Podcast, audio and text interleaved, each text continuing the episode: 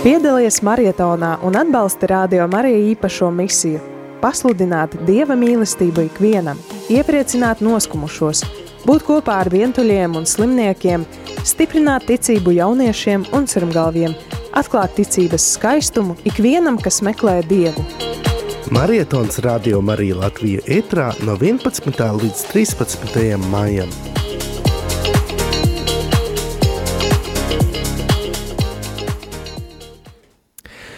Reiz es dzirdēju kādas prediķotāja vārdus, ka visaizmirstākā tēma baznīcā mūsdienās ir pats Dievs. Skan mazliet šokējoši, bet kad tu klausītāji pēdējo reizi baznīcā dzirdēji kaut ko par pašu Dievu, nē, nē, es nedomāju par lūkšanu, par baušļiem, likumiem, sakramentu, žēlastību un citām lietām, kas ir ļoti svarīgas, un, protams, Dievs tur vienmēr ir fonā, bet es domāju par pašu Dievu, kurš ir visa centrā, par pašu Dievu, kurš ir visa pamats, skaists, varens, vērtīgs, dižens, apbrīnojams un visa radītājs. Lai 21. gadsimtā baznīca atcimtu, tai atkal ir jānofokusē savs skatiens uz pašu Dievu kā augstāko prioritāti, jeb Bībeles valodā runājot, tai jāatgriežas pie Dieva meklēšanas. Par Dieva meklēšanu šodien raidījumā Randiņš ar Bībeli.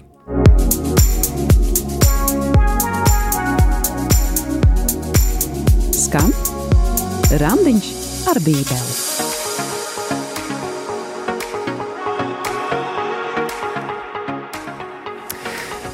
Iknedēļas bībeles studiju raidījumā Randiņš ar bībeli šoreiz ēterā atkal Māris Veliks un Olga Velika. Šī gada māja marietonā mūsu devīze ir laimīgi tie, kas meklē, Dievu. dievu. Šī frāze nāk no svētajiem rakstiem. Dieva meklēšana viscaur bībelē ir atrodama, un par to mēs arī parunāsim šajā raidījumā, ielūkojoties daudzās rakstu vietās, tādēļ paņem rakstāmo, pieraksti šīs rakstu vietas vai seko bībelē līdzi. Jā, vislabāk atvērt bībeli, paņemt un Būs atvērt. diezgan daudz jāšķirsta šodien. Bet uh, tagad nāksim Dieva priekšā un lūksim viņu. Dieva tēva un dēla un svētā gara vārdā. Āmen. Dievs, mēs vēlamies šodien likt tevi centrā. Dievs, mēs tevi pielūdzam, mēs vēlamies iet mazumā, bet lai tu tiktu izgaismots šajā raidījumā, lai katrs klausītājs tevi ieraudzītu šajā turpmākajā stundā, kā viskaistāko, visvērtīgāko. Kungs, tev gods un slava Jēzus Kristus vārdā. Āmen. Āmen. Dieva tēva un dēla un svētā gara vārdā. Āmen. Āmen. Skan Randiņš ar Bībeli.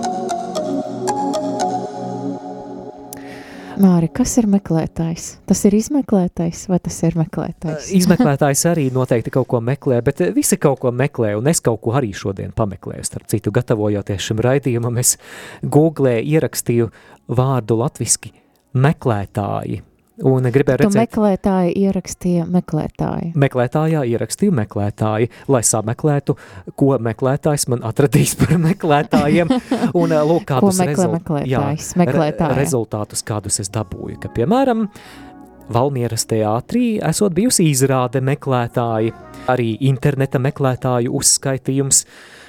Izrādās, Olga, ka ir arī optiska eh, rakstura priekšmeti. Es īsti nesaprotu, kam tie vajadzīgi un ko tie meklē, bet to nosaukums ir meklētāji. Varbūt Tādus var, saules starus, tādus var eh, iegādāties. Jā, tad tālāk sekoja Rīgas domes pilsētas attīstības departamenta mājaslapa, un tur vesela meklētāju virkne neskāpēc bija uzskaitīta. Starp tiem būvatļauju meklētāji, koku ciršanas atļauju meklētāji un kultūras pieminekļu meklētāji. Tālāk nākamā lapa bija par ceļa meklētājiem, kas izrādās ir starptautiska organizācija pusauģiem, kas darbojas Latvijā, un nemaz jau nerunājot par darba meklētājiem, patvēruma meklētājiem un citiem meklētājiem. Un jā, mēs e, ikdienas dzīvē Mēs visu laiku kaut ko meklējam. Ir tādi globāli meklējumi, varbūt darba meklējumi, otras pusītes meklējumi, kā nekā ir pat iepazīšanas portāli domāti tiem. Arī meklējam dzīves vietu, dzīvokli, arī meklējam tagad vasara nāk, meklējam varbūt kur doties atvaļinājumā meklējam biļetes, viesnīcas un tā tālāk, un man liekas, sievietes mani sapratīs arī, eh, nu, atvērot skapi, nu, meklējam, eh, ko lai vilktu, vai ir kādas drēbes, smukas, ko Olga, vilkt šodien. ļoti skaista kleita šodien. Es šodien sameklēju skapī, jā, es Jā. meklēju un atradu. Klausītāji var pārslēgties uz eh, video strīmu mūsu lapā, Facebookā. Randiņš ar bībeli vai YouTube kanālā Radio Marija Latvija. Jā, bet arī tādi e, komiskas situācijas, man liekas, visiem gādījies, ka meklē telefonu ar telefonu rokas un spīdinot uh, istaba ar uh, telefona lukturīti. Un, tad, um, Tas, eh, kā mana vecvecmama meklēja savas pazaudētās brilles ar tām pašām brillēm uz acīm. nu, jā. Gadās ar to Tā, meklēšanu. jā, nu, par ko es runāju, jā, ka cilvēks vienmēr kaut ko meklē. Mēs dzīve parasti kaut ko meklējam, un ko meklējam mēs, ko meklē tu klausītāji. Un interesanti, ja mēs atšķiram bībeles lapas puses, un ja mēs lasām, ko Jēzus runā par meklēšanu, viņš runā par to, ka starp daudzajām lietām, ko mēs varam meklēt, ir kāda vis, vissvarīgākā lieta, ko meklēt. Un Mateja evaņģēlija 6.33 skan šādi, bet dzenieties, jeb citā tulkojumā, meklējiet pa priekš Dieva valstību un viņa taisnību. Tad jums visas šīs pārējās lietas tiks piemestas. Tātad Jēzus šeit aicina meklēt Dievu kā prioritāti. Jā, šajā raksturvietā mēs dzirdējām par Dieva valstības un viņa taisnības meklēšanu, bet eh, tās jau nav atraujamas no paša Dieva. Tātad pirmkārt meklējiet Dievu kā prioritāti. Jā, mēs nevaram meklēt uh, dievam valstību, nezinot, kas ir dievs, nemeklēt pašu dievu, ja tā ir tā viņa valstība, jā. Un patīk arī, kā vakar Ilmars uh, priesteris teica, bija sarunā ar viņu, ka, jā, kristiešu laimes atslēga ir saikne ar dievu, un mēs varam to saikni veidot meklējot dievu. Un tieši Dievs, kurš ir mūsu īstās, pilnīgās laimes pamatā, ir tā visdārgākā pērle, par ko Jēzus runā Mateja evaņģēlie 13. nodaļā, 46. pantā. Visdārgākā pērle, tik vērtīga, ka tās dēļ ir vērts atdot visu, ir vērts ieguldīt tajā visu. Jēzus saka par eh, pērļu tirgotāju, kurš meklē dārgas pērles un atradis vienu sevišķi dārgu pērli, nogāja un pārdeva visu, kas tam bija, un nopirka to.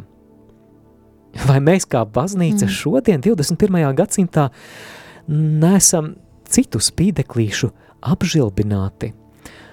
Un vai gadījumā mēs nesam aizmirsuši, ka centrā ir visdārgākā pērle, pats Dievs, ko ir vērts meklēt?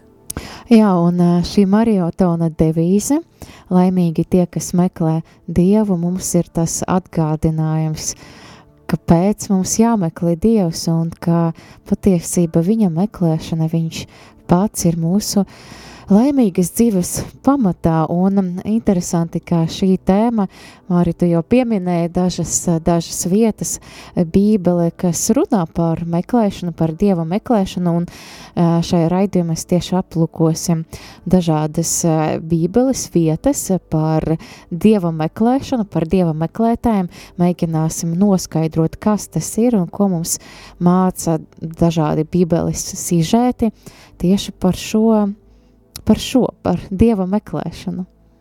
Bet uh, sāksim ar manu mīļāko nodaļu izceļošanas grāmatā, jeb uh, otrajā mūzes grāmatā. Tā ir 33. Es nodaļa. nezināju, ka ir tava, tava mīļākā. Tā, tā noteikti ir mana mīļākā eh, nodaļa, un iespējams tieši tādēļ, ka tur ir daudz par dieva meklēšanu.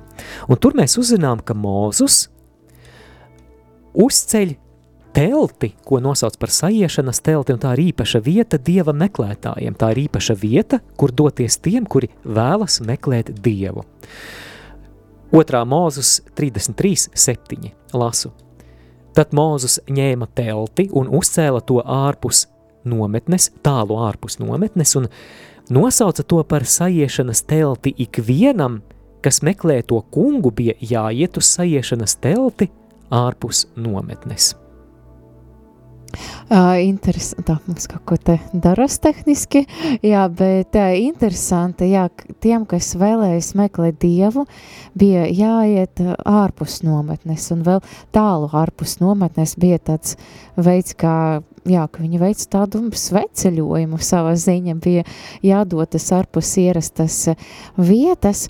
Man liekas interesanti arī kā vēl, ka jau, kad jau bija um, uzbūvēts Jeruzalemes templis, tad jau templis, Jeruzalemes templis bija tā vieta, kur uh, meklēt un satikt Dievu. Bet uh, atgriežamies pie Mūzes un uzceltās telts dieva meklētājiem. Arī pats Mūzes gāja uz šo telti, lai satiktos ar Dievu. Mūzes noteikti ir viens liels dieva meklētājs, un 33. nodaļā lasu no 8. panta. Un notika ik reizes, kad Mūzes gāja uz šo telti, ļaudis piecēlās, un ik viens nostājās savas dzīvojamās telts durvīs un noraudzījās pakaļ Mūzum, līdz tas iegāja teltī. Cik interesanti, ka šajā mm. mūzus dieva meklēšanā pat bija ko redzēt no malas. Un notika ik reizes, kad Mūzes iegāja teltī, nāca mākoņu staps un apstājās telts durvīs, un viņš, proti Dievs, runāja ar Mūzu. Un vienkārši mani fascinēja 11. pants. Un tas kungs runāja ar Mūzu vaigu vaigā, kā kāds sarunājas ar savu draugu. Ļoti skaista rakstu vieta, tiešām apbrīnojama, bet runāt par dieva meklētāju un ko nozīmē meklēt dievu, vispār vai Bībele mums dod tādu definīciju, kas ir meklēt Dievu, vai varbūt pirmais jautājums, vai tas nozīmē, ka Dievs ir pazūdis un viņu jāatrot, un viņš jāatrot, vai Dievs spēlē tā kā paslēpēs, to viņš tur, to viņš tur, un tad mēs mēģinām saprast, kur tad ir Dievs. Bībele ir interesanta grāmata ar to, ka definīcijas salikt kopā no dažādām rakstu vietām esam aicināti mēs paši. Mēs nevaram ļoti konkrētu dieva meklētāja definīciju kā no enciklopēdijas atrast, bet aplūkojot rakstu vietas, kas runā par dieva meklēšanu, mēs varam izveidot dieva meklētāja portretu, un mēs arī parunāsim turpinājumā par četrām dieva meklētāja īpašībām. Bet eh, šobrīd es varētu definēt dieva meklētāju kā to, kurš dieva skaistuma un mīlestības aizgrābts, tiecas pēc vēl dziļākas dieva pieredzes, jo zina, ka vienmēr ir vēl vairāk, ka vienmēr attiecībās ar Dievu var būt vairāk. Tātad eh, Dieva meklēšana sākas no fakta, ka Dievs ir bezgalīgs, Dievs ir neizsmeļams. Tu nekad nevari nonākt tajā punktā, kad tu saki, viss tālāk vairs nav kur iet attiecībās ar Dievu. Viss ir izpētīts, viss ir iepazīts. Nē, apustulis Pāvils romiešiem 11. nodaļā no 33. panta raksta, kāds dieva bagātības, gudrības un atziņas dziļums, cik neizprotamas viņa tiesas un cik neizdibināmi viņa ceļi. Kas gan ir izpratis dieva prātu, kas ir bijis viņa padoma devējs? Es šajos Pāvila vārdos redzu apbrīnu Dieva majestātes, Dieva lieluma priekšā, šis neizsmeļamais Dievs, kura bagātības, gudrības un atziņa dziļums ir neizdibināms. Tātad vienmēr attiecībās ar Dievu var būt vēl vairāk. Jā, tad, tad attiecības ar Dievu var būt vēl vairāk, līdz ar to, jā, mēs meklējam to Dieva jaunu pieredzi, Dieva jaunu šķautni, tā var teikt. Un, un interesanti, ka svētais Augustīns arī uh, runājot par to, arī bija teicis, ja tu esi to sapratījis, tad tas nav Dievs. Jā, Jā. mēs nevaram Dievu ielikt boksiņā, bet mm -hmm. Dievs ir bezgalīgs, mūžīgs, skaists, un jā, tad, tad Dieva meklētais ir tas, jā, kā tu teici, Tas- kas ir viņa mīlestības aizgrābts. Jā, viņa mīlestības un skaistuma aizgrābts, un kurš līdz ar to tiecas pēc dziļākas dieva pieredzes, zinot, ka vienmēr ir vēl vairāk attiecībās ar Dievu. Bet man liekas, arī ļoti svarīgi runāt par eh, dieva meklēšanu, varbūt, lai, uh, lai ir uz kā arī balstīties. Man liekas, svarīgi ir uh, saprast, ka Dievs kaut ko apsola. Dievs uh, solījumu, apsolījumu arī sava vārda, un viņš runā, Dievs runā Dieva meklētājiem. Kad jūs mani meklēsiet, jūs mani atradīsiet. Ja jūs no visas sirds mani meklēsiet, es būšu atrodams, tā saka tas kungs. Tad Jeremijas eh, 29. nodaļa no 13. līdz 14. pantam. Un man ļoti patīk, šeit ir tāds apsolījums, ja jūs mani meklēsiet, jūs mani atradīsiet, un arī tāds, kā, nu, varat teikt, nosacījums, jā, ka jāmeklē no visas sirds. No visas sirds un uh, Dieva meklētāji nemeklē pa tukšo. Dievs viņiem ir devis garantiju, ka Dieva reakcija uz Dieva meklēšanu būs viņa atbilde, ka viņš steigsies pretī un atklās sevi vēl vairāk. Jā, tad mēs parunājam nedaudz par piemēriem, par definīciju, kas ir Dieva meklētāja, kas ir Dieva meklēšana, kāpēc jāmeklē Dievs arī par apsolījumu, un tad mēs dodamies tālāk. Dodamies mūzikas pauzē, pēc kuras atgriezīsimies ēterā, lai parunātu par četrām Dieva meklētāju īpašībām, kādas mēs atrodam svētajos rakstos.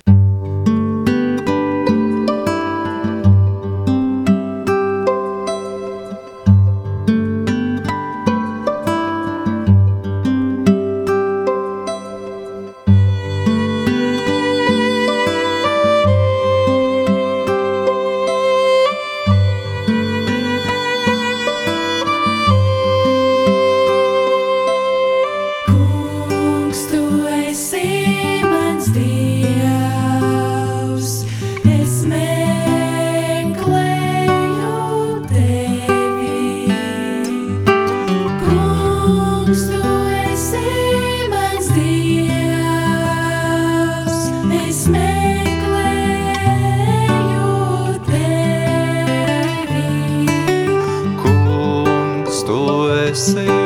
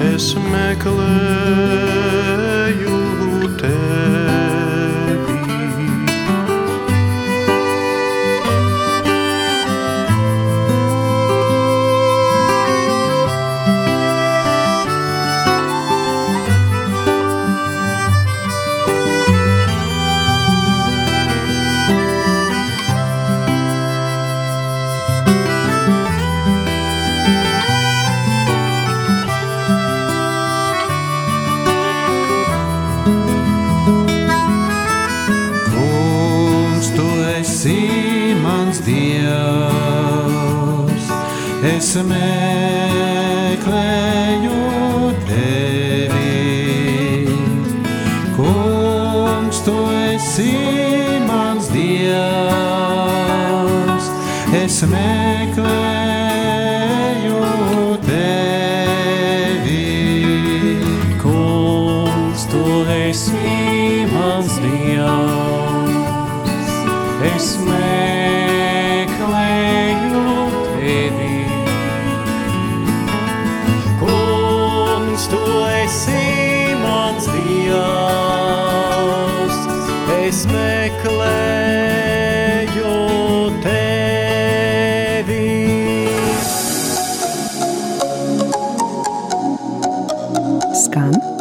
randiņš ar bībeli. Šoreiz randiņa ar bībeli tēma laimīgi tie, kas meklē Dievu. Mēs runājam par Dieva meklēšanu Bībelē. Pirms brīža mēs definējām Dieva meklētājus kā tos cilvēkus, kuri Dieva skaistuma un mīlestības aizgrābti tiecas pēc vēl dziļākas Dieva pieredzes, zinot, ka vienmēr ir vēl vairāk. Arī runājam, ka ir Dieva apsolījums par to, ka ja jūs mani meklēsiet no visas sirds, jūs mani atradīsiet. Bet raidījumā turpinājumā vēlamies parunāt par četrām Dieva meklētāju īpašībām, minot arī konkrētas raksturvietas, bet mēs vēlamies atgādināt, ka Dieva meklēšana ir arī mūsu šī gada maija maratona moto ietvaros. Tātad Dieva meklētāji, Dieva meklēšana kā pamats mūsu laimēji, un uh, tādēļ mēs vēlamies no sirds pateikties ikvienam, kas maratonā jau esat iesaistījušies. Šobrīd ir saziedoti 6000, gandrīz 200 eiro, un ja šī raidījuma laikā līdz stundas beigām izdotos tikt līdz 7000, tad patiešām tas vēl vairāk vairotu šo svētku sajūtu. Jā, un tavs ziedojums būs ieguldījums tam, lai kādi citi cilvēki, kam tas būtu ļoti svarīgs, varētu atrast Dievu, varētu meklēt Dievu kopā ar radiomu arī caur lūkšanam arī caur šo raidījumu, un jā, tas, tas varētu pildīt šo, šo Dieva meklēšanas misiju. Bet eh, pirmā Dieva meklētāju īpašība, par ko mēs vēlamies parunāt, ir tā, ka Dievs ir viņu prioritāte. Jā, ir Dievs, ir tā viena lieta, kas viņa meklētājiem ir vissvarīgāka. Mēs jau pirms tam parunājam par to sevišķi dārgo pērli, ko tas tirgotājs dēļ tas pērlis bija gatavs pārdot visu. Jā, un tad Dieva meklētājiem Dievs ir tā viena vissvarīgākā lieta, un mēs labi varam redzēt arī bībeles varoņu dzīves, un man liekas sevišķi izceļas varbūt Dāvids, jā, par, par Dāvidu pats Dievs teica, ka viņš ir vīrs pēc manas sirds. Jā, un mēs zinām pēc Dāvida, jā, ka viņš varbūt kļūdījies savā dzīvē kaut kādos posmus, bet viņš meklēja Dievu, un mēs lasam no 27. panta, tā, cet, eh, 27. psalma no 4. panta ļoti skaistu vietu, Vienu es izlūdzos no tā kunga, pēc kā es kāroju, ka es varu palikt tā kunga namā visu savu mūžu, skatīt tā kunga jaukumu un pielūgt viņu, viņa svētajā vieta. Viena lieta, vienu lietu viņš lūdz. Arī Jēzus runā par vienu lietu, par vienu vissvarīgāko lietu, kas ir daudz vērtīgāka par visām citām. Lūkas evaņģēlija desmitajā nodaļā Jēzus viesojas pie divām brīnišķīgām māsām – Marta un Marija. Atceramies, ka Marta ir norūpējusies par daudzām lietām, par šķīviem, par cepešiem un kompotu, savukārt viņas māsa Marija pa to laiku sēž pie Jēzus kājām, vienkārši meklē viņa klātbūtni un klausās Jēzus vārdos. Liekas, tev bija kāds eh, raidījums vai uh, tava lekcija pica, ko Jēzus nebija pasūtījis. Tad Marta bija Jā. norūpējusies ar to Viņa picu. cep to picu, ko Jēzus nemaz nebija pasūtījis, bet uh, Marta tai pašā laikā ir mazliet sašutusi, ka māsa nesteidzas palīgā, viņa tur paver Viņa vaļā. meklē vienu lietu. Jā, jā Marija meklē vienu lietu, Marta paver vaļā virtuves durvis un, un tur ar skatienu mēģina likt viņai saprast, ka tur davai, tur nāc, nāc man. Viņa jau palīgā. sāka jēzmas fudzēties. Jā, bet uh, tas kungs viņai atbildēja, lasām no 41. panta, sacīdams, Marta, Marta, tu rūpējies un zūdies par daudzām lietām, bet tikai vienas lietas vajag. Marija sev izredzējies, izredzējusies, izraudzījusies labo daļu, tā viņai netaps atņemta.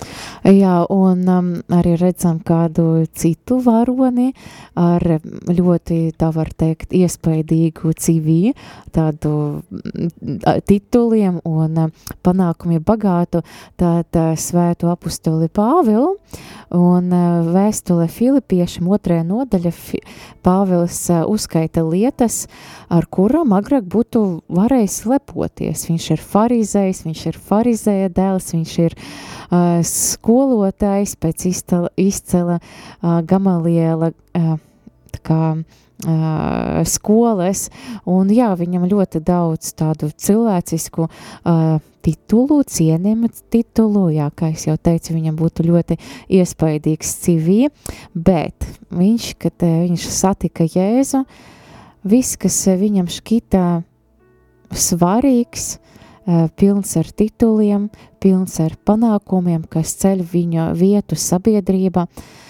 jūdu vidu, farizēju vidu, viņam šķita tukšība, jo viņš satika Jēzu, un salīdzinot ar Dieva pazīšanu, tas viss vairs nav tik svarīgs, un viņš uh, raksta tad vēstulē uh, Filipiešiem, um, tad uh, Trešajā, trešā nodaļa no 7. līdz 8. pantam, bet tas, kas man bija ieguvums, to es Kristus dēļ esmu uzskatī, uzskā, uzskatījis par zaudējumu, bet arī tagad es visu to uzskatu par zaudējumu, salīdzinot ar mana kunga Kri Jēzus Kristus atziņas nesalīdzināmu parākumu. Jā, mēs runājam par to, ka Dievs ir neizdibināms, un viņš raksta, mana kunga Jēzus Kristus atziņas nesalīdzināmu parākumu, kurā dēļ es visu to esmu zaudējis un uzskatu to par mēsliem, lai Kristus iegūtu. Un kas tad vieno Dāvidu, Mariju, Martas māsu un apustuli Pāvilu? Viņi ir Dieva meklētāji, un viņus raksturo šis pirmais punkts, par ko mēs runājam, Dievs viņiem ir vissvarīgākais. Tā ir viņu prioritāte. Viņi ir gatavi atlikt visu pārējo maliņā, vai viņu vērtību sistēmā pārējās lietas ir pakārtotas. Pirmajā vietā ir pats Dievs, pirmajā vietā ir Jēzus. Viņi ir sapratuši, ka šīs pērles priekšā visi pārējie mirdzumi šajā pasaulē vienkārši nopāla.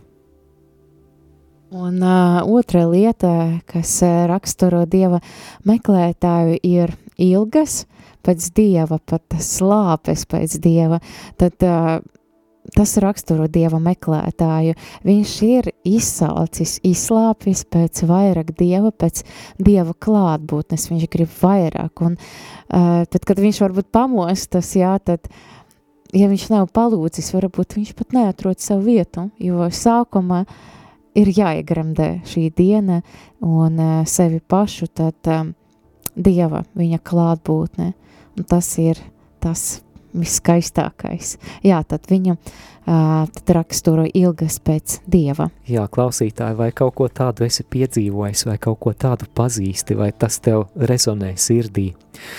Mēs jau minējām Mūzu, kurš izceļošanas grāmatas 33. nodaļā uzceļ īpašu telti dieva meklētājiem, īpašu lūkšanu vietu, kur satikties ar dievu. Kā jau runājām, pats Mūzus ir dieva meklētājs, un viņš attiecībās ar dievu nenoliedzami grib vairāk. Un šajā pašā 33. nodaļā, 18. pantā, Mūzus lūdz dievam, rādi man lūdzams savu godību. Mūzes grib vairāk. Viņš grib vairāk atklāt dieva godību un varētu jautāt no mūza, vai tev nepietiek, vai tev Mhm. nav jau bijusi pieredze ar dievu. Protams, ka ir bijusi pieredze pie degošā krūma. Dievs uz viņu ļoti tieši runā, atklāja viņam sevi kā Ābrahama, Īzeka un Jēkaba dievu. Mēs varam runāt par lielām zīmēm un brīnumiem, ko Dievs paveic Ēģiptes zemē, lai atbrīvotu Izrēļa tautu, bet Mūzum ar to nepietiek. Mūzus grib vēl. Viņš saka, rādi man lūdzams savu godību. Tātad viņam ir slāpes piedzīvot vēl vairāk. Un tālāk, ja mēs lasām tre, 33. nodaļu, Dievs mūzum tālāk apsola īpašu pieredzi. Bet ne tādu, kas izsmeltu Dievu, kas mūzum ļautu apgalvot, ka viss eh, esmu izdibinājis viņu līdz pašiem dziļumiem. Dievs saka tā, ka viņa godība ies mūzum garām, bet mūzes to redzēs it kā no mugurpuses. 23. pants. Tu mani redzēsi no muguras, bet mans vaigs nebūs redzams. Jā, skaisti. Mēs atkal atgriežamies pie mūzes, un uh, es vēlos runāt par Dāvidu atkal, uh, par psalmiem, par Dāvida psalmiem. Arī mēs psalmos varam redzēt tādas dziļas ilgas un slāpes pēc Dieva, un viena vieta pat sevišķi par to runā. Es atceros patiesi par šo vietu. Vienreiz es biju mm, kāda no vecerīgas baznīcām, un es ieraudzīju uz sola, laikam bija bērni, uh, ģimeņu mists un bija bērni, un kāds bija bērns aizmis, aizmirsīs tādu mīksto mantiņu, un ta, tas bija tāds briedis, jā, no, no uztaisīts, un viņš palika uz tā sola, un es atcerēju šo rakstu vietu, kā briedis slāps pēc ūdens ūpēm, tā mana dvēsele brēc, ak, Dievs pēc tevis, un tas mani atgādināja, jā, tā, tas ilgas pēc Dieva, Un uh, tālāk tajā psalma, 42. psalma, mēs lāsam, ka mana dvēsele slāpst pēc Dieva, pēc dzīva Dieva, kad es nokļūšu tur, kur es varēšu parādīties Dieva vaiga priekša. Un jā, mēs varam iedomāties, ka briedis ir iztaigājis kalnus, izskrējies, un viņam ļoti slāpst, slāpst. Un ja mēs gribētu Dievu tā, ka mēs kāda karstajā diena, mm, pastrādājot vai kaut kur paskrienot, piedzīvotu tas slāpes, vai mēs tā Dievu gribam savā dzīvē. Man liekas, ja mēs Mm. tā gribētu Dievu, kā ūdeni karstajā diena, kā briedis vēlas um, ūdens, ūdeni, tad tas būtu ļoti skaisti. Un tās arī raksturo Dieva meklētāji, tas slāpes pēc Dieva. Un tā ir tikai viena no brīnišķīgām rakstu vietām par slāpēm pēc Dieva psalmos. Vēl varam minēt, piemēram, 63. psalmu, tūlīt lasīšu no otrā panta, bet klausītāji iztēlojies saulē pilnīgi izkaltušu zemi, kas ir pilnīgi pat saplaisājusi, pilnīgi izkaltusi putekļaina zeme. Un Dāvids raksta, kungs, tu esi mans dievs, Es meklēju tevi, pēc tevis slāpst mana dvēsele. Pēc tevis tvīkst mana miesa kā sausa un izkaltusi zeme, kur nav ūdens. Es esmu raudzījies pēc tevis tavā svētnīcā, lai redzētu tavu spēku un tavu godību, jo tava žēlastība ir labāka par dzīvību, manas lūpas, lai tevi slavē. Tātad pirmās divas dieva meklētāju īpašības. Pirmā ir, ka Dievs viņiem ir vissvarīgākais, Jā, viena, viena lieta, kas ir ļoti, ļoti svarīga, vissvarīgākā jā, viena lieta pāri visām. Otrā īpašība, - slāpes un ilgas pēc Dieva. un ja jau mēs piesaucām 42. psalmu par briedi, tad laiks dziesmai.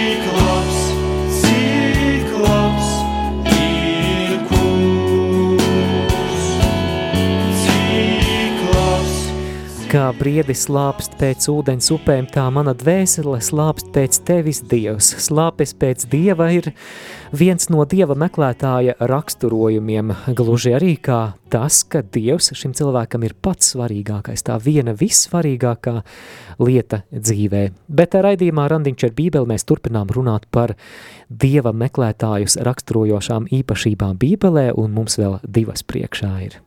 Jā, nākamais, nākamais raksturojums, kas raksturo dieva meklētāju, ir tas, kā viņš velti laiku dievam. Jā, Dieva meklētājs veltīja laiku dievam. Atgriežamies pie otrās mūzes grāmatas 33. nodaļas, kur Mūzes uzceļ sajiešanas telti tiem, kuri grib meklēt dievu. Ko tas mums māca, ka dieva meklēšanai ir jāveltī laiks.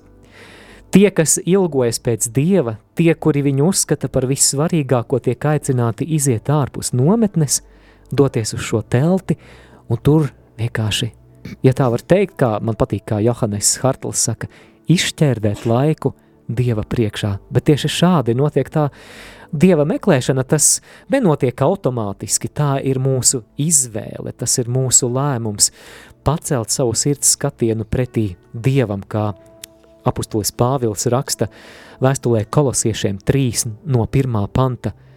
Ja nu jūs ar Kristu esat augšām cēlušies, tad tiecieties pēc tā, kas augšā, kur ir Kristus, kas paaugstināts pie Dieva labās rokas. Savas domas vērsiet uz augšu, ne uz zemes lietām.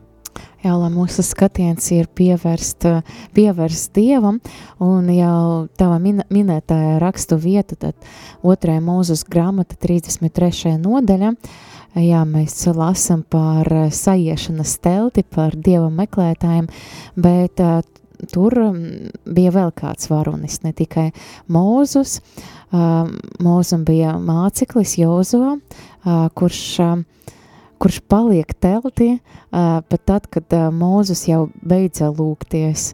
Mēs vēlam lāsam, ka Jozo bija tā, tas, kas arī ievēda tautu apsolītajā zeme, kad Mūzus jau bija nomieries, un man liekas, Dievs ne vienkārši tāpat izvēlējies uh, Jozoju, lai ievestu tautu, jo interesanta uh, vieta, kas raksturo Jozo, mēs varam pateikt, ka viņš bija tas, kas meklē Dievu. Tad uh, otrā mūzus grāmata 33. nodaļa, 11. pants, un tas kungs runāja ar mūzu vaigu vaigā, kā kāds sarunājas ar savu draugu, un kad viņš atgriezas nometnē, viņa kalps Jozo, Nūna dēls, vēl jauneklis, palika telti. Jā, tad Jozo, viņš jā, viņš apbrīno Dievu un viņš nolama palikt. Viņš pa, laiks rīt un Jozo, joprojām telti, varbūt visa tauta atgriezas un vairs nebija tās pienākums palikt telti. Un viņš, mēs varam redzēt, ka Viņš palika telti ne aiz pienākuma, ne aiz tā, ka tur Dieva tautai bija jāiet. Viņš meklē Dievu, viņš mīl Dievu, viņš abrīno Dievu un vēlas viņu izdibināt vēl vairāk. Mēs varam pateikt par Jozo, ka viņš ir patiesi Dieva meklētājs. Varbūt es padalīšos ar tādu personisku tādu pieredzi. Es varu pateikt, jā, ka uh, piedzīvot tādu Dieva klātbūtnes, varbūt nerunāju tik daudz par emocijām, bet tiešām par tādu dieva klātbūtni man, laikam, viena no tādām visdziļākam pieredzam, kā es varu piedzīvot Dievu, ir pēc svētas misas. Jā, ir svēta mise, mēs ir lasījumi, ir tā um, euharistiska daļa, pieņemot euharistiju un uh, tad priesteris dod svētību, bet man sirdi kaut kā palika ilgāk, jo Jēzus tagad ir mani, esmu vienojusies ar Jēzu, un es, kad es palieku pēc mises, uzkavējies baznīca, kaut uz pieca minūtēm, uz desmit minūtēm varbūt, un tad uh, es patiešām ļoti īpaši piedzīvoju Dieva pieskārienu. Man tas asociējas ar to Jozovas pieredzi, ka viņš palika nedaudz ilgāk, bet Dievs, es domāju, ļoti īpaši arī bija runājis uz Jozo, īpaši bija devis to savu žēlistību un uh, savu klātbūtni, jo pat tagad mēs pat vēl vairāk varam piedzīvot Dievu nekā Jozē, jo jā, Kristus ir atstājis savu miesu asinis, mēs to pieņemam, mēs to pieņemam savā ķermeni un mēs, nu, paliekam tādi dzīvi tabernākuli un apzinoties, ka Dievs ir tevi, tu esi vienots ar viņu, jā, tad es aicinu varbūt arī izmēģināt, arī klausītājus arī palikt, palikt klusumā kopā ar viņu un vienkārši meklēt viņu. Viņš ir tevi. Mani arī ļoti uzrunā šis Jozos piemērs, ka viņš vēl paliek ilgāk. Un uh, man uh, te nāk prātā kāds uh, vizuāls tēls, atmiņa no Palendrāja benediktīniešu klostera apmeklējuma, kur nu, jau pirms kādiem desmit gadiem, varbūt pat vairāk, es biju palicis uz vairākām dienām, uz laiku klusumā, lūkšanā, un pēdējā vakara lūkšana baznīcā kopā ar mūkiem bija kompletorija lūkšana ar psalmiem. Un pēc kompletorija lūkšanas atceros tajā klostera baznīcā jau, jau krēsla, tiek izslēgts apgaismojums, vēl paliek kādas svecītes, daļa mūku aiziet, bet, bet daļa mūku vēl vai nu sēž savā solā vai stāv pagriezušies pret tabernākulu. Un um, jā, viņi vēl kaut ko meklē, viņi gaida, viņi joprojām paliek, un man tas sasaucās ar kādu no citiem psalmiem, kur ir teikts, jūs, kas naktī stāvat kunga namā, teiciet to kungu. Jūs, kas naktī stāvat kunga namā. Un tāpat arī līdzīgi Jozo paliek teltī, kad visi ir aizgājuši projām. Un patiešām šādai gaidīšanai garīgajā dzīvē, dieva meklēšanā ir ļoti liela nozīme. Uh, Tu gaidi uz Dievu, un tas prasa laiku. Es jau iepriekšējā raidījumā runāju par iekšējo lūkšanu, kas ir lūkšana gandrīz bez vārdiem, kad mēs vienkārši esam Dieva priekšā. Tā ir drīzāk sirds attieksme, ka mēs ilgojamies pēc Dieva, mēs vēlamies būt uzmanīgi uz Viņa klātbūtni, un šajā lūkšanā gaidīšanai ir ļoti liela nozīme, jo tu vari uh, gandrīz veselu stundu pavadīt it kā sausumā, tu neko nejūti, grūti pat sakoncentrēt domas, bet tā pēdējā minūte bieži vien ir tā vērta, lai tu gaidītu visu stundu. Tad piepeši Dievs piepilda, piepeši tu jūti, ka tava sirds paplašinās, ka tavas domas apstājās, un tu vienkārši zini, jā, te ir Dievs. Šeit šajā sirds klusumā, pat ja es ja es Dievu tagad nedzirdu, bet es zinu, ka, ka šī ir mana sastapšanās klusumā ar Dievu. Un tas ir gluži kā 130. psalmā, kur Dāvids saka, es gaidu uz to kungu. Mana dvēsele gaida, es paļaujos uz viņa vārdu. Mana dvēsele gaida uz to kungu vairāk nekā naktsargi uz rīta ausmu. Jā, tiešām vairāk nekā naktsargi uz rīta ausmu. Tātad eh, dieva meklētājs ir cilvēks, kas veltīja laiku dieva meklēšanai. Mēs uh, minējam mūzu, mēs runājam par uh, Jozo, bet arī pats Jēzus, viņš daudz laika šeit uh, uz zemes uh, dzīvodams veltīja laiku lūkšanā, arī īpaši Lukas evangēliem mēs lasam, ka uh, Jēzus agri no rīta devas uz nomaļu vietu, lai lūgtos. Jēzum bija vajadzīgi meklēt tēva vaigu, būt vienotība ar viņu, un man liekas, tas ir ļoti skaisti. Tieši tā, Dieva meklēšana nav iespējama bez laika veltīšanas tai. Tātad trešā īpašība ir, ka Dieva meklētājs veltī laiku Dievam. Un visbeidzot noslēdzošais punkts – Dievs ir viņu prieks, Dievs ir viņu prieks, un par to mēs parunāsim. Jā, mēs eh, marietona mūsu devīze ir laimīgi ir tie, kas meklē Dievu. Runājiet par laimi, par prieku. Un šie vārdi, starp citu, ir ņemti no, no bībeles. Mūsu marietona versijā tas ir tāds brīvāks tulkojums, bet vārdi pamatā nāk no pirmās laiku grāmatas 16. nodaļas. Desmitais pants. Dodiet slavu viņa svētajam vārdam, lai visu to sirdis priecājas, kas ir tā kunga meklētājas. Vēlreiz šo teikumu atkārtošu. Lai visu to sirdis priecājas, kas ir tā kunga meklētāji. Tālāk meklējiet to kungu un viņa spēku, meklējiet viņa vaigu bez mitēšanās. Šis psalms, kā mēs lasām svētajos rakstos, pirmo reizi tika dziedāts, kad Dāvida vadībā derības šķirsts tika ienests un novietots derības teltī, un šī dziedājuma autors ir kāds dziesminieks Asafs.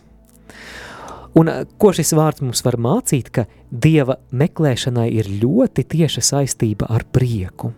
Meklēt Dievu nozīmē atklāt viņu kā prieka avotu.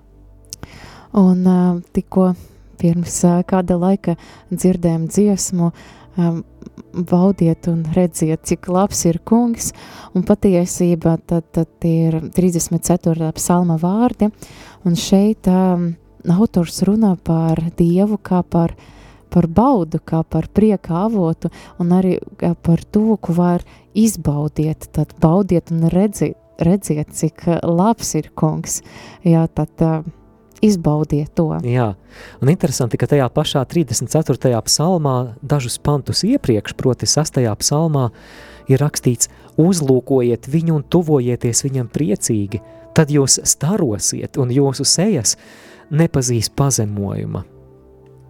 Mēs arī lasām 16. psalmu, kas ir um, ļoti skaists psalms. Viens no maniem mīļākajiem psalmiem. Jā, un uh, šeit arī ir nu, jāsaprot, šis psalms arī pravietojums par Jēzu, ka viņš nepaliks mm, naves vāra, bet, uh, bet ļoti skaisti vārdi mēs varam arī attiecināt uz, uz savu garīgo dzīvi. Tu man, tu man esi darījis zināmu dzīvības ceļu, prieka pārpilnība tava vaiga priekša, liksmību pie tavas labas rokas uz mūžiem. Man liekas, prieks, liksmība pie Dieva labas rokas, pie, pie die, Dieva klātbūtne. Un ja tu meklē Dievu, tev ir jāatrod šis prieka avots, jo pats Dievs ir bezgalīgi laimīgs Dievs. Pirmajā vēstulē Timotejam, pirmajā nodaļā 11. pantā, Pāvils Dievu raksturo kā Makarijos, Dievs, Makarijos, Dievs, eh, sengrieķu valodā Makarijos nozīmē svētlaimīgs. Tas ir tas pats vārds, kas eh, kalna svētībās ir svētlaimīgi garā nabagie. Un mēs uzzinām, ka Dievs ir svētlaimīgs. Tātad prieka pārpilnība ir Dieva vaiga priekšā un līksmība pie viņa labās rokas uz mūžiem, ja runājam 16. psalma vārdiem. Ļoti skaisti, ļoti stiprinoši. Un, bet jāsaprot, ka šis prieks nav tāda varbūt tukša jautrība, es nezinu, labs gara stāvoklis vai, vai mm, smiekli vai kā. Tas ir tāds dziļa vienotība ar Dievu, piepildījums, Dieva piepildījums, ā, miers ar sevi, ar citiem, ar Dievu. Un uh, arī pavisam nesen, tad 11. māja, mums arī bija uh, kāds skaists evangēlijs no Jāņa evangēlijas uh, 15. nodaļa, kur Jēzus arī saka, ka uh, to es jums sacīju, lai mans prieks būtu jūsos un lai jūsu prieks būtu pilnīgs. Jā, šeit mēs arī lasam, ka tas ir Dieva prieks, tas ir Jēzus prieks, kas mūsos iesakņojas, un šis prieks ir pilnīgs, šis, nav, šis prieks nav tāds pavirš, šis prieks nav izklaidis, tas ir paliekošs, paliekošs kungam. Un tas, ka Dieva meklētāju raksturo tas, ka Dievs ir viņa prieks, tas nenozīmē, ka kristietis nekad nedrīkst skumt. Un tāpēc, ja, piemēram, tu ej cauri kādām sērām, un varbūt, jā, kristietis pat var piedzīvot depresiju savā dzīvē, mēs psalmos lasām Dāvida psalmos, reizēm Dāvids vienkārši savu sāpi izliek šajos psalmos, Mēs šeit, šīs zemes dzīvē, nekad nebūsim pasargāti no visām problēmām, sērām. Šī ir tā sāpīgā asaru ieleja, kā mēs dziedam himnā Marijai, esi sveicināta karaliene. Bet daudz dziļākā līmenī, tad dziļāk par emocijām, arī kā priesteris Ilmārs vakar runāja, ka šis prieks Dievā, tas ir kaut kur dziļāk par emociju līmeni. Jā, tas var pārklāties, bet, bet eh, var būt tā, ka jā, varbūt ir kādas lietas, kuras tevi apbēdina, kuras ir kā nasta, bet kaut kur dziļumos ir šis klusais, jēgpilnais piepildījums. Jā, interesanti. Mēs arī 51. psalmā lasām, ka Dāvids bija satriekts. Jā, viņš apzinājās to, ka viņš ir sagrekojies un viņš nožēlo savu grēku ļoti dziļi. Un, eh, man liekas, viena lieta, ko viņš eh, skaisti um, raksta tajā psalmā, dot man atkal pestīšanas prieku. Jā, tas ir tas pestīšanas prieks, ko, ko Dievs mums dod, kad mēs meklējam viņa. Kā dzirdētais attiecas uz manu dzīvi? Un ā, raidījuma noslēgumā praktiskais šī vārda pielietojums, kā šis vārds attiecas uz tavu un manu dzīvi. Mēs runājām par um, Mūzus uzcelto telti tiem, kas vēlas meklēt Dievu. Klausītāji, vai tev ir šāda telts? Mēs, pro- protams, runājam par telti kā simbolu tavai Dieva meklēšanas vietai, vai tev ir šāda Dieva meklēšanas telts? Bet ā, kur to meklēt?